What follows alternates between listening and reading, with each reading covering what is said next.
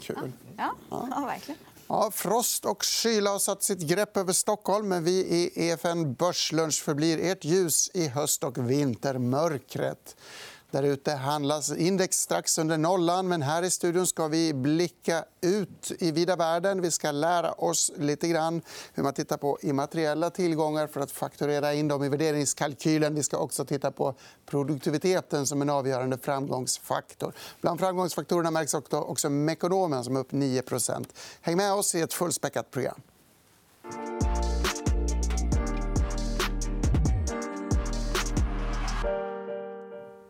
Ja, inte bara regn och frost i Stockholm, utan buden står även som spön i backen. Momentum budar på Svedol och sen har Kramo fått bud på sig som är noterat i Finland. Svedol rusar 38% Idag ska vi ha ett eh, globalt fokus. Vi ska göra global aktiemarknaden osäker, tänkte jag säga. Men det ska vi inte göra. Jag säger i alla fall varmt välkommen till Knut Guselius. Geselius och Staffan Lindfeldt. Tack. Välkomna. Tack så mycket. Tack så mycket. Buden här, Staffan, har du någon reflektion över det?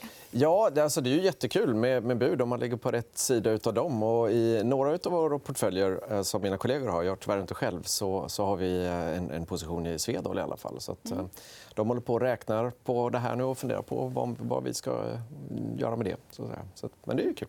Mm. Ja.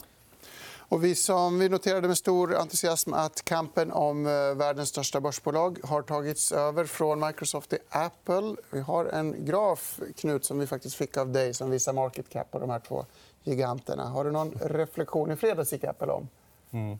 Nej, det har varit en fantastisk resa på börsen för de här två bolagen. Under de senaste tio åren så är Apple upp i svenska kronor ungefär 1 400 och Microsoft närmare 800 vilket självklart visar på en dominant position mm. inom, inom världen.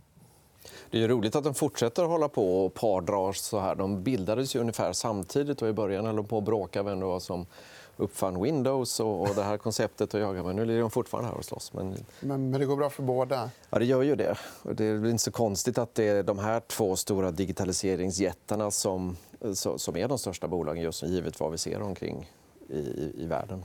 Mm. Knut, som har, ja, ni har ju båda globalt fokus. Men amerikanska rapportsäsongen lider mot sitt slut. Jag tror 80% bit på eh, resultat. Vad är din samlade bedömning?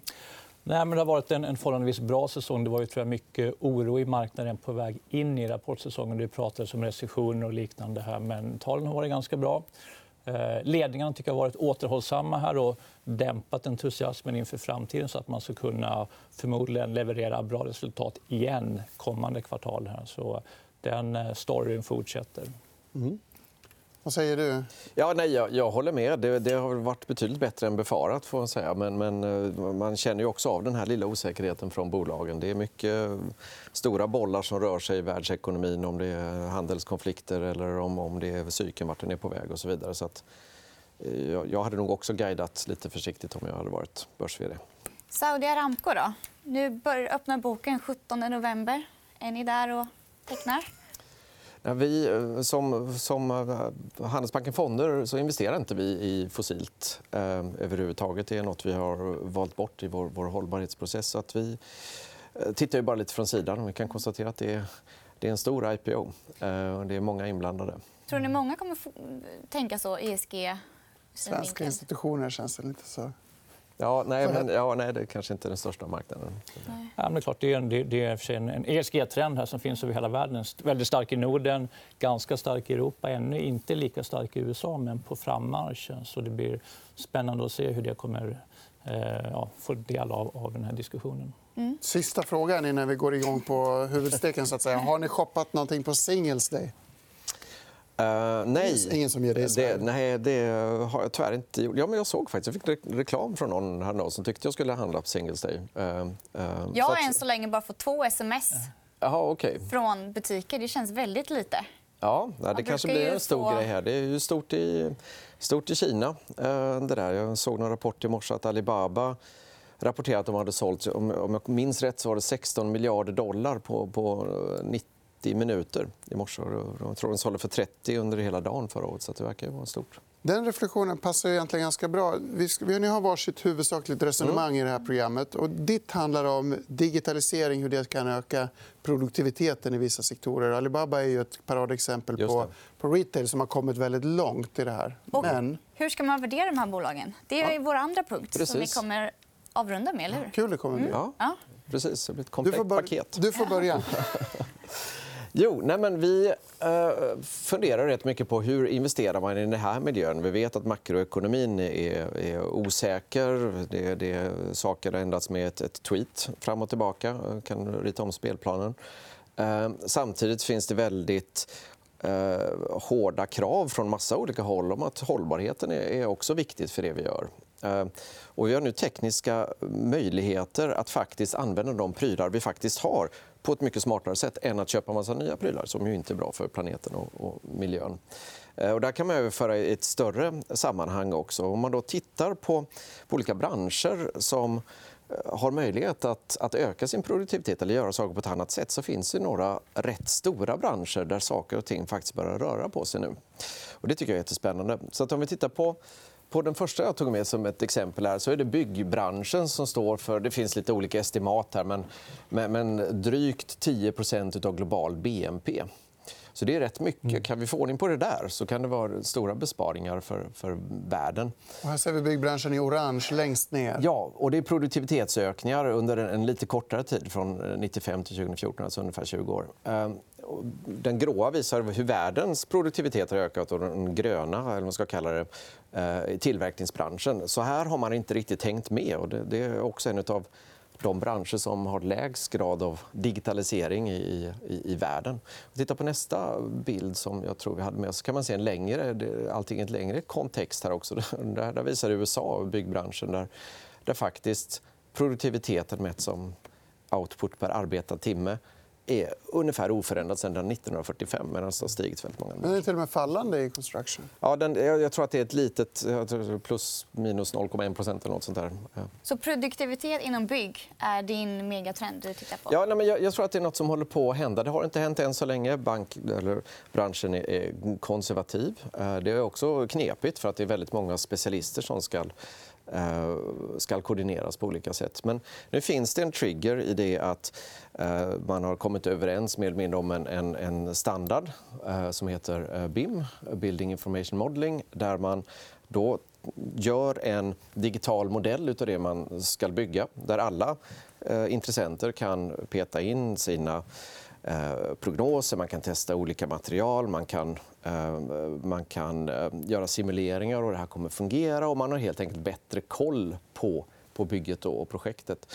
Eh, ska jag säga att, att eh, man har varit ganska missnöjd med, med flera stora projekt som har varit där ute. Liksom, poster child i den här inte så smickrande tävlingen har varit Berlins flygplats till exempel som man har hållit på att bygga hur länge som helst och det kostar alldeles för mycket. Vi har Karolinska sjukhus där som inte väl heller var det mest lyckade byggprojektet. Eh, utan här känner man från officiellt håll att det här måste vi ha ordning på. Vi måste ha IT på det här. Så att, eh, i, i eh, 2016 så blev det lag i UK att ska det vara med i en officiell upphandling, ja, men då ska det vara BIM-certifierad. Och det kommer mer med nästa år kommer i Tyskland. till exempel. Och vem tillhandahåller den här? Ja, det finns ju massa olika mjukvarubolag. här. Men vi har fastnat lite grann för ett som vi, vi, vi har träffat här under året som heter Rib Software. Det är ett tyskt eh, bolag. Ganska litet än så länge. Det är en fragmenterad bransch. det här. Men de tillverkar då eh, IT-system. så att om, om allting går rätt kan det här bli SAP för, för byggbranschen. Man kan kontrollera pengaflöden. Du kan kontrollera allt från från designstadiet till, till slutförandet och bygget löpande. Det... Men det, de har inte ensamrätt på det här äh, mjukvarusystemet? Ja, när de gör ett, ett äh, system som man kan köpa för, för detta. Och så vitt jag har sett så är de enda som kan täcka hela, äh, hela värdekedjan i ett system. Så byggbranschens Microsoft? Eller liksom... Ja, mer SAP skulle jag säga. SAP, ja. Ja, skulle det kunna bli, om allting går rätt. Det är tidigt än. Och, och det är inte alls oklart att det blir deras teknologi som vinner. Men vi tycker det är så pass spännande så att vi har tagit en liten position i fonden. Du hade några för... fler favoriter här. men ja. Jag vill bara höra Knut. Vad, vad tänker du när du hör det här? Nej, jag håller med om att det, det är ett eh, spännande område. Jag skulle tro att ett annat eh, närliggande skulle kunna vara hälsosektorn. Mm. Där också förmodligen finns väldigt mycket att göra på digitaliseringsfronten här och mer produktionsförbättringar. Jag vet inte om ni äger någonting där eller har några tankar kring, kring den. Men jo då, vi... är, man ser lite robotar som är på väg inom vissa ja. bolag. Till exempel. Jo, nej, men vi, vi äger ett, eh, en del, ett bolag som köpte relativt nyligen ett som heter Nuance som uh, håller på med röststyrning inom, inom uh, eh, hälsovårdssektorn. Bland annat. Så det går åt enormt mycket tid för, för läkare att skriva journaler och såna här saker. Eh, men här gör de ett interface då där man kan kan eh, använda det dels för journalskrivning men också sen för att eh, i en senare fas få medicinska råd och, och liksom så här, utav den här AI-motorn som sitter i Så effektivisering av bygg, av hälsa och mat? Ja, mat är en annan så här jättebransch globalt där det inte har hänt så där supermycket. Och det står ju för en stor del av våra utsläpp. Och, och, och, och, så där. och En hel del kommer faktiskt från det att vi, vi åker och handlar, vi kör bilar fram och tillbaka och vi har stora lådor som vi åker och handlar i. Uh, Tittar man på e-handelskomponenten i det här, som skulle kunna vara en lösning, så är den ganska låg. I Tyskland tror jag det är 1,5 procent, USA 4-5 så, så ungefär. Medan i, i UK så, så är den 7 procent. Då kan man ju undra varför är det är det. det? Och en delförklaring kanske är ett bolag som vi har också gjort en investering i som heter Ocado som är en online eh, mataffär. Du kan handla din matkasse där och, och sen kommer den hem. Det kan man göra på massa olika ställen. Men det Ocado har gjort, de har jobbat otroligt mycket med att investera i teknologin bakom det här. De jobbar bara med centraliserade eh, varuhus och eh, eh har nu en lösning där robotar sköter plockningen av kassen och sen så skeppar de iväg den med en, en eh, optimeringsrutin som gör att lastbilarna kan släppa av allting hemma hos dig inom en, en specificerad tidslott och, och gör det bra. Det som är, ja, för... men du ska vara fräck och avbryta. För det. men, men du, du, får avsluta ja. snabbt. Hello Fresh har vi faktiskt pratat om ja, ganska nyligen precis. i programmet. Men, men det, det, som är kul med Ocado är att nu har de börjat sälja sin teknologi utanför uh, uh, Storbritannien och har teknologipartners som då kommer att jobba med dem. Och där återfinner bland annat svenska ICA som har köpt deras lösning. Jätteintressant. Den här dynamiken knyter an till ditt resonemang som du har med dig lite grann. Det handlar ju om stora materiella utgifter som blir unika teknik eh, vad ska man säga, strategier eller vägar framåt för de här bolagen. Du vill nämligen fokusera på immaterial immaterialkomponenter när man värderar bolag. Förstår jag det rätt? Då? Ja, precis. Det som kallas för immateriella tillgångar eller intangible assets på engelska. Det, det är någonting som eh, innefattar varumärken, det kan vara algoritmer, det kan vara eh, kunskap som finns inom ett bolag. Och det är någonting där eh, världen är på väg i den riktningen. Det är där som värdeskapandet sker. Men samtidigt så har redovisningsprinciperna inte riktigt hängt med i den här utvecklingen. Så när man tittar på ett bolags balansräkning så är det en, en eh, förlegad metod ofta för hur man eh, tar tillvara på de här eh, immateriella tillgångarna på pappret. Så, så, vi är bra på att mäta antalet grävskopor och fastigheter i, i bolag men sämre på patent, mjukvara? Ja, till exempel det, det som ett bolag lägger på varumärken eller om man mm. utvecklar mm. egen mjukvara det syns överhuvudtaget inte på balansräkningen. För man har ju tittat tidigare på att låga, som vi ser här, låga PE och låga PB ska vara undervärderat. Precis, det är den klassiska eh, värdeinvesteringsfilosofin att det låga P och låga PB det är undervärderat ofta och tvärtom med de höga P talen. Och det, och det stämmer kanske på, ofta på eh, bolag som har mycket fasta tillgångar. Men när vi börjar titta på bolag med immateriella tillgångar så kan det nästan vara tvärtom. Att, att om du har lågt dem kan det faktiskt vara eh, övervärderat. Kan man inte lägga till det bara till, Tibet där? Det kan man göra naturligtvis, som sagt. Och det, det bör man göra i, i, många fall. Men det är någonting som inte, inte görs än så länge därför att det är inte så som redovisningsprinciperna fungerar. Eh, och därför så behöver man som fundamental investerare själv gå in och göra de bedömningarna och lägga till det för att få en kanske mer korrekt bild av prisbokmultipeln. Annars ser bolag dyrare ut, dyrare ut än vad de egentligen är helt enkelt på sån här värderingsbasis. Precis, och det blir ett problem som sagt, om, man, om man har kanske fonder som har kvantfonder då, som tittar på tusentals bolag här och försöker hitta en, en enkel metod att eh, screena ut det som är undervärderat. Här. Men vi tror att det här kommer vara en, en eh, en helt avgörande faktor under kommande decennium att förstå vad som verkligen är undervärderat och vad som kanske är på väg med att bli en Kodak för att man inte har investerat i nya teknologier. Jätteintressant. Vi ska kolla på några exempel, några bolag. Men en kort reflektion från dig. Vad tänker du när du hör det här? Nej, men jag tycker det är ett jätteintressant resonemang. och Det har ju lite med tillväxtinvesteringar att göra. på något sätt också. De immateriella tillgångarna är ju någonting som oftast får ett värde och börjar generera kassaflöden några år fram i tiden. Mm. Så, att, så att jag, jag, tror att, utan att gå in för mycket i detaljer, för det kan vi prata länge om eh, så, så, tror jag att, att det är jätteviktigt som, som, du säger, att titta några år fram i tiden när man gör sina investeringar och inte, bli, och inte titta på, på skorna när man investerar utan lyfta upp blicken. Skorna ska vi titta på snart. Vi kan titta på några exempel först. Bra, Matilda. Jag har lärt mig av dig, Gabriel. Mm. Vad ja, det är, om vi tittar ner i högra hörnet med Unilever. Det är ett bolag som, som, till, som eh, producerar till exempel eh, Magnumglasser och, eh, och andra typer av konsumentprodukter lägger närmare 7 miljarder euro per år i marknadsföring eh, för då Magnum, eh, Dove 2 de andra saker. Men på balansräkningen syns det bara 7 miljarder euro i, i eh, immateriella tillgångar trots att man har lagt 6-7 mm. miljarder under flera år. Så det är klart att det finns någon typ av mismatch där.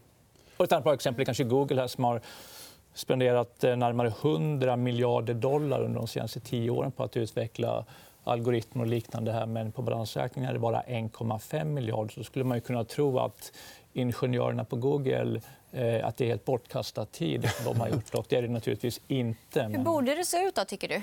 Eller hur, hur, hur... Vad är mer rättvist mått? Ja, nu, har, nu måste man gå in och titta specifikt på varje bolag. här, men det, det vi tittar mycket på kassa, fritt kassaflöde. För det är klart att det är svårt att manipulera cash som kommer in. Mm. Så att verkligen försöka hitta övergången då från vad är en immateriell tillgång värd, hur mycket cash kommer den kunna att generera fritt kassaflöde i framtiden. Det är på något sätt nyckeln för att eh, förstå hur en, en mer rimlig värdering ska se ut. Men med varumärken och immateriella tillgångar, det känns som att det, man är rädd för att de här bara ska försvinna, att det ska bara gå upp i rök att det ska bli nåt cyberintrång och att det försvinner data eller att någon snor någons idé och då blir det värdelöst. Plötsligt. Ja, klart. det är en del av problemet. här att det, är inte, det är inte enkelt att bara lösa det. här. Hade det varit enkelt hade man hittat någon typ av eh, lösning på det hela. här. Och, här. Eh, Därför måste man gå in på nästan varje tillgång för sig, varje varumärke och titta specifikt på det. Mm. Roligt att du säger det, Matilda. För Nike är ett paradexempel när man talar om eh, marknadsföringsvärdet. Nike går ju liksom upp och ner. De plötsligt börjar politiker bränna skor för att de är arga. Men Nike kommer vinnande ur det. De sponsrar eh, amerikansk fotbollsspelare som tar politisk ställning. Ja. Eh, väldigt spännande hur det blir en jättekomponent som påverkar försäljningen. Vi antar att det knyter an till det här. Ja, verkligen. Det, det, det är ett, ett praktexempel på det här. Det är klart, Nike-loggan är en av de mest kända logotyperna här över hela världen. Mm. Eh, rankas nummer 16 här i världen av Interbrand, vilket är en, en oberoende tredjepart som bedömer varumärken. här. Men tittar man då på balansräkningen för Nike så ser man att immateriella tillgångar värderas till ungefär 280 miljoner dollar. Interbrand, som gör en, en oberoende bedömning av varumärket bedömer att Nike-loggan är värd 30 miljarder dollar.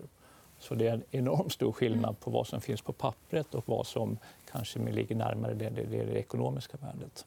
Så visst, lite subjektivt och det kan svänga snabbt men det är enorma värden som inte, inte syns helt enkelt i den Precis.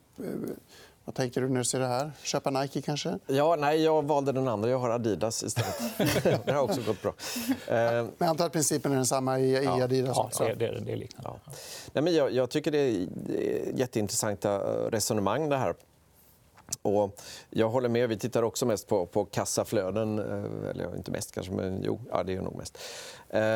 Och, och, de immateriella tillgångarna tycker jag, eh, där gör jag i alla fall en, en, subjektiv bedömning om, om är de här tillräckligt starka för att jag ska tro att tillväxten och lönsamheten kommer att fortsätta i framtiden. Och, och, så, för mig blir det mer en input i, i liksom, mina framtida prognoser än att jag ska försöka sätta ett värde på det. Men det kanske man, det, så kan man också naturligtvis resonera. Mm. Man springer fort i Nike-skor. Tiden har sprungit ifrån oss här i Börslunch också. Ja, jag ville fråga om diskuteringsräntor i kassaflödesanalyserna, men det får bli en annan... Vi får komma tillbaka. Det får bli en annan dag. Vilka kommer imorgon? Ja, imorgon kommer Maria Nordqvist och Josefin Johansson. Då ska vi prata ESG. Vi kanske ska fråga vad de tycker om Saudi Aramco. Mm. Ja. Det känns som att ingen svensk kommer ta i det här. Tack så mycket för oss. 11.45 imorgon som vanligt.